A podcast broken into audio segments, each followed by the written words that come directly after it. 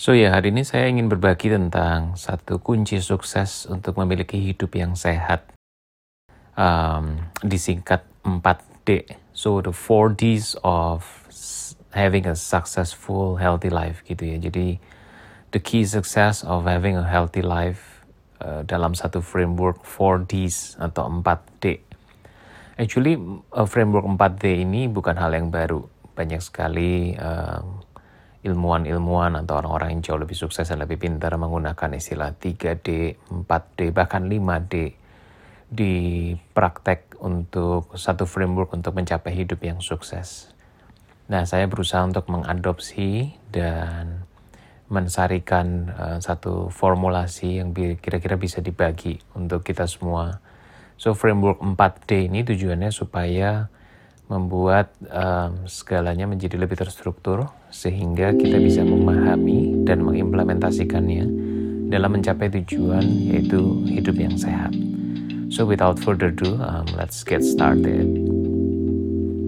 Ya, so 4D kunci sukses untuk memiliki hidup yang sehat. Kita mulai dengan D yang pertama yaitu dream or desire. Jadi it always all started dengan dengan satu pertanyaan lah. What's the desire? What's what's your dream? Kepengennya apa sih? Mimpinya apa? Sebagai contoh kalau misalkan seseorang ingin hidup sehat. So the answer to that question is actually what is your dream? Oh, I want to be healthy. What is your desire? I wanna I want I wanna lose my weight. Okay. Atau kita ambil contoh misalkan di kasus yang sekarang sedang ramai terjadi this um, COVID-19 pandemi. Uh, misalkan, what's your dream? What's your desire? Uh, misalkan jawabannya, oh pengennya tidak terinfeksi oleh coronavirus. Lalu misalkan orang yang diabetes misalkan ditanya, uh, what's what's your desire? Oh pengennya bisa sembuh dari diabetes atau pengennya bisa seminimum mungkin atau nggak punya tidak mengalami komplikasi dari penyakit diabetes. So that's that's the example of D yang nomor satu. Jadi um, kalau nggak punya goalnya, nggak punya dreamnya, nggak punya desire-nya ya semua yang lain akan fall into pieces gitu, nggak mungkin akan tercapai. Jadi ketika kita ingin mencapai hidup yang sehat, tentu pertanyaan pertama adalah what is your dream? What is the the desire? Pengennya apa? Gitu ya, di di breakdown jadi um, satu single goal yang yang kecil yang yang harus dicapai, yang pengen dituju gitu. So whether it is a weight loss, whether it is terhindar dari infeksi COVID-19, whether it is memiliki hidup yang sehat or terhindar dari komplikasi diabetes dan lain sebagainya. So that's that's D number one, D yang pertama, dream or desire. Nah D yang kedua adalah driver. Jadi kalau dari definisi, driver is something that makes other things develop or grow stronger.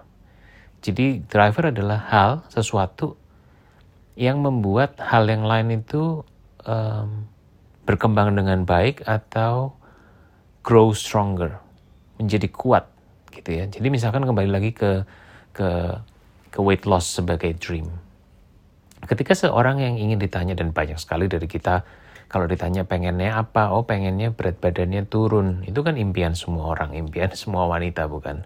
Kalau bisa malah makan nggak usah diet ya, makan seenak mungkin, tapi tetap weight loss gitu kan. Itu dream semua orang.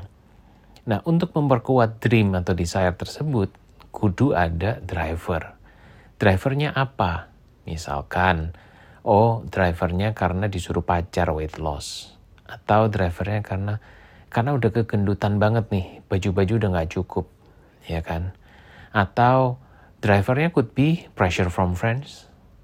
Atau drivernya bisa satu hal yang mulia misalkan yes I need to lose my weight karena saya mau hidup lebih sehat gitu. Karena saya tahu dengan berat badan yang berlebih hidupnya nggak sehat. So that's the implementation contoh D yang kedua yaitu driver So let's take a look on the other example, which is the COVID-19 for example. Desire-nya apa?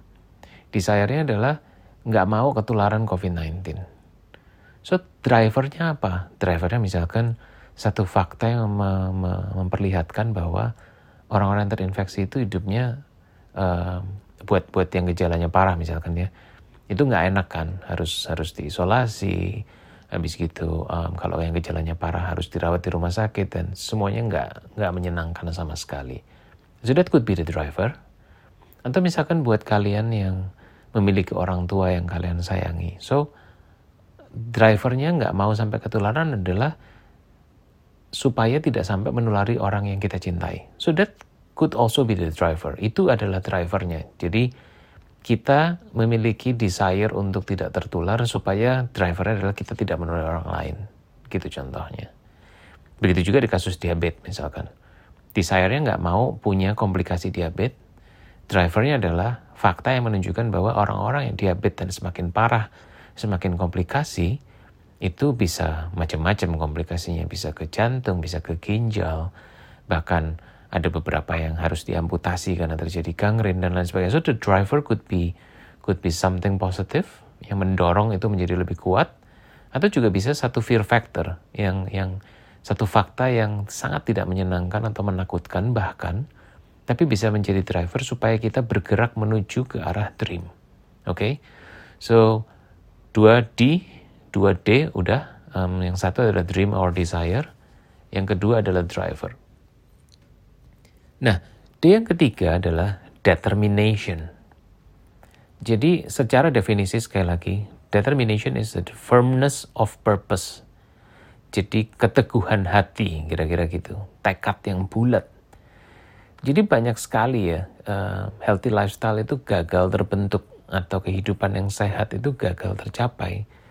Bukan karena orang nggak punya dream atau desire, semua orang kalau ditanya, let's bikin, kita eksperimen deh, let's bikin survei. Pasti semua orang kalau ditanya, do you want to have a healthy life? Jawabannya udah pasti iya semua. Tapi begitu sampai ke D yang kedua, which is driver, udah berantakan gitu. Oh, I don't have the strong driver. Makanya ya hidupnya masih masih nggak benar. Makanya maka makannya masih ngaco gitu.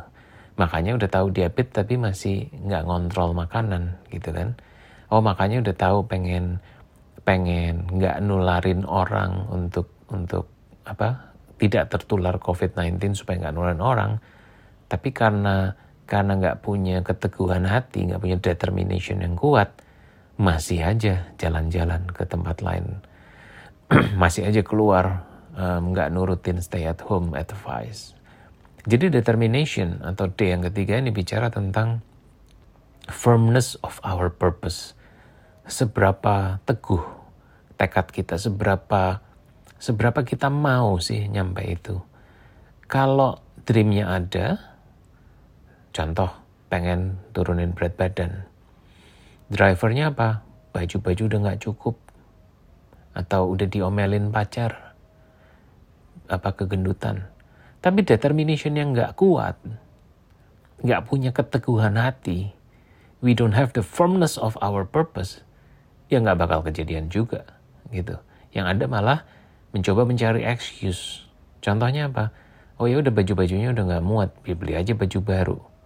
That's an excuse gitu. Um, apa jalan pintas yang tidak serve, tidak melayani atau tidak tidak serve any any any desire gitu. Uh, tidak fulfill the dream. Nggak mencapai, dreamnya nggak tercapai gitu. Oke, okay, so so those are the three Ds gitu ya. Satu dream, dua driver, tiga determination. Nah, D yang terakhir um, is discipline. Jadi D yang pertama dream or desire, D yang kedua adalah driver, D yang ketiga adalah determination. Nah, D yang terakhir adalah disiplin. Disiplin secara definisi adalah practice of obeying some standards of behavior or habit. Jadi sebuah praktek untuk melakukan secara patuh gitu kira-kira, untuk mematuhi atau mentaati satu standar daripada um, satu perilaku kebiasaan gitu. Nah, bicara di D yang keempat atau disiplin ini juga penting. Jadi sekali lagi diulang ya, anggaplah seorang punya dream untuk tidak sampai um, komplikasi diabetes. Drivernya tahu ada fakta-fakta menyeramkan uh, komplikasi diabetes seperti apa. Itu driver yang cukup kuat. Determinationnya apa? Determinationnya, yes, dia punya tekad untuk menjalankan itu. Dan sudah dimulai. Makannya dijaga. Ya kan? Tapi disiplinnya misalkan tidak terlalu kuat, maka sekali lagi, maka dreamnya juga tidak akan tercapai gitu. Nah bicara tentang disiplin itu ada satu buku yang menarik yang mungkin sebagian besar dari kita sudah baca judulnya Atomic uh, uh, Atomic Habit uh, bukunya James Clear bagus banget. Jadi ada dua saja yang mau saya kutip. Yang pertama adalah we should start with small habit. Leo Babauta bilang uh, make it so easy so you cannot say no. Make it so easy so it is effortless. Jadi bikin habitnya dari yang kecil, yang yang jangan terlalu significant drastic, yang nanti again kita tidak punya disiplin atau determination dan akhirnya finding some excuses. Nah, contoh, kalau kita mau weight loss, start dengan small habit. Misalkan, oh kurangin makan nasi, kurangin asupan karbohidrat. Kata-katanya adalah kurangin bukan hilangkan ya. Apalagi buat orang yang yang yang sudah terbiasa sekian puluh tahun makan dengan dengan orang Indonesia ada pepatah bilang oh belum makan kalau belum makan nasi kan. So let's start with the small habit. Jadi biasanya kalau nasinya satu mangkok full nah mulai dulu kurangin deh. Cuman makan setengah. Terlalu drastik. Kurangin sepertiganya. Jadi makan dua pertiganya dulu Nah, jalanin itu for one to three weeks karena ada buku atau atau atau ilmu apa namanya penelitian yang lain, studi yang lain yang menyebutkan bahwa habit building itu tidak dalam waktu singkat. Ketika kita melakukannya secara terus-menerus dalam waktu sekitar 3 sampai bahkan um, 8 minggu gitu, itu baru habitnya akan terbentuk. Seorang bisa mulai habit yang baru, tapi um, apa namanya melakukannya secara perlahan-perlahan, maka dalam waktu sekian minggu hingga sekitar satu dua bulan, maka itu akan menjadi habit baru yang ketika melewati masa satu dua bulan itu, itu sudah menjadi habit sedemikian rupa dia akan sulit meninggalkan habit itu karena udah udah menjadi bagian dari perilakunya. Nah itu secara tidak langsung sinonim dari kata disiplin. Jadi sekali lagi bicara disiplin, Start with small habit. Make it semudah mungkin, seolah-olah effortnya kecil. Gitu. Contoh lagi misalkan um, di diabetes, ya apa namanya, mulai kurangin makan karbohidrat. Mulai berani bilang tidak terhadap asupan-asupan makanan yang manis yang mengandung gula. Perlahan-perlahan. Oke. Okay?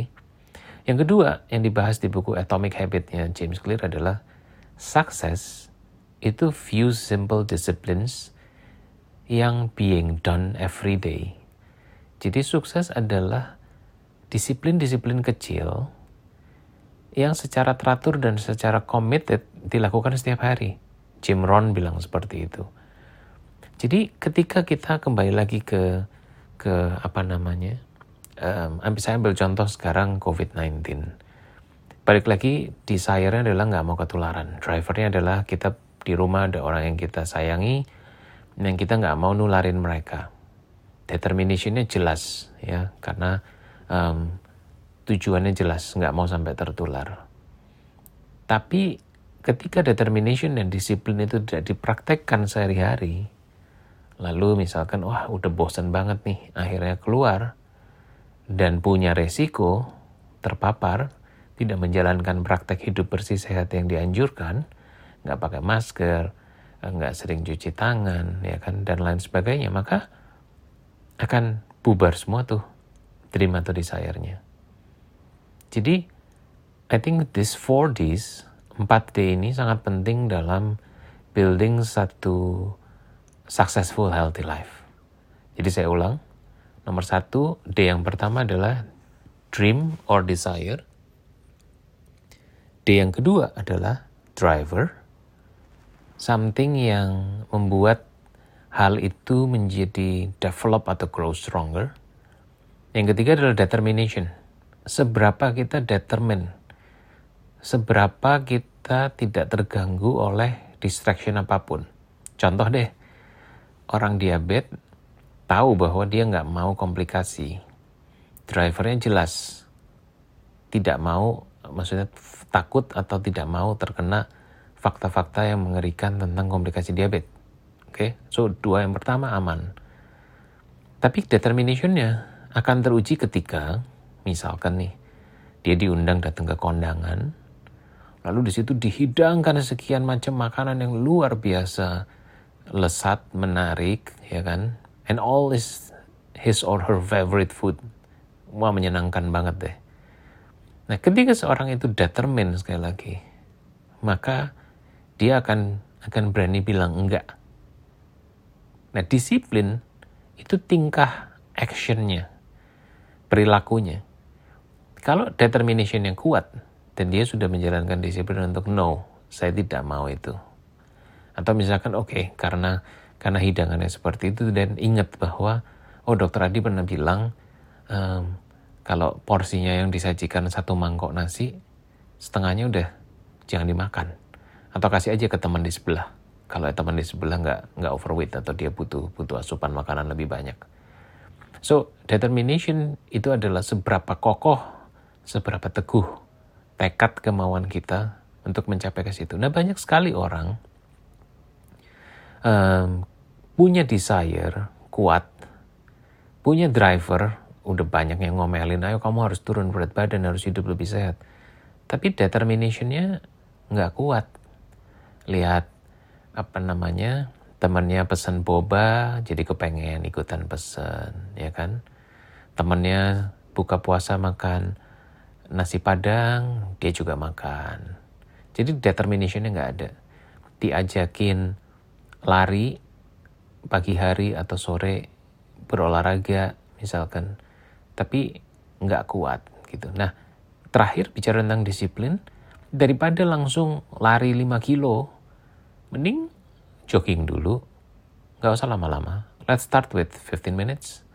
Setiap hari atau setiap dua hari sekali, ya, yang tadi dibilang oleh um, Leo Babau tadi bukunya Atomic Habit James Clear. Start with small habit. Mulai aja dulu di di di ditelatenin deh, di ditekunin um, melakukan olahraga setiap dua hari sekali atau setiap hari. Nggak usah lama-lama. Kalau yang lagi pengen push up, Nggak usah langsung push up 50 kali. Push up 5 kali dulu. Besok push up 5 kali dulu. Besoknya lagi push up 5 kali lagi. Udah, minggu depan naikin push up 10 kali. Besok harinya push up 10 kali. Lama-lama secara kita tidak sengaja atau tidak tidak kita sadari, habitnya udah terbentuk. Dan lama-lama um, kalau langsung push up 50 kali akan terasa, wah gila berat banget gue nggak mungkin bisa deh. Tapi kalau kita perlahan, perlahan naik, 5 dulu, habis gitu naik ke 7, naik ke 10, naik ke 15. Then without we know it, tanpa kita apa namanya uh, memperhatikan dengan detail, tahu-tahu kita udah udah naik kelasnya. So that's what so called by Jim Rohn adalah success itu adalah few simple disciplines yang done every day gitu. Nah, so as a summary again, I hope this can help all of us yang mendengarkan podcast ini untuk memiliki dan menerapkan 4Ds framework of thinking dan implementation supaya sukses memiliki hidup yang sehat. Oke, okay? so again, as a closing, nomor satu, dream atau desire. Pengennya apa? Mimpinya apa? D yang nomor dua ada driver. Hal apa yang membuat kamu untuk mendorong kamu untuk mencapai your dream atau desire? Yang ketiga adalah seberapa determined sih kamu? Seberapa strong will, seberapa firm kemauanmu untuk mencapai tujuan itu? Kalau nggak strong, nggak firm, percaya deh, nggak mungkin dreamnya nyampe. Tapi kalau udah punya kemauan yang kuat, pasti nyampe. Nah yang terakhir adalah disiplin. Jadi mulai dari hal yang kecil, bangun habit yang kecil, hidup sehat pelan-pelan, kurangin makan, teraturin olahraga, hindari makan manis misalkan buat yang diabetes, Hindari karbohidrat buat yang diabetes. Buat yang nggak mau ketularan COVID-19, stay at home. Praktek hidup bersih. Sering cuci tangan. Jangan sentuh hidung, mata, dan mulut kalau belum cuci tangan. Dan masih banyak contoh-contoh lainnya. Oke? Okay? So I hope this um, short information dan framework ini bisa membantu kita semua untuk menerapkan dan mencapai hidup yang sehat.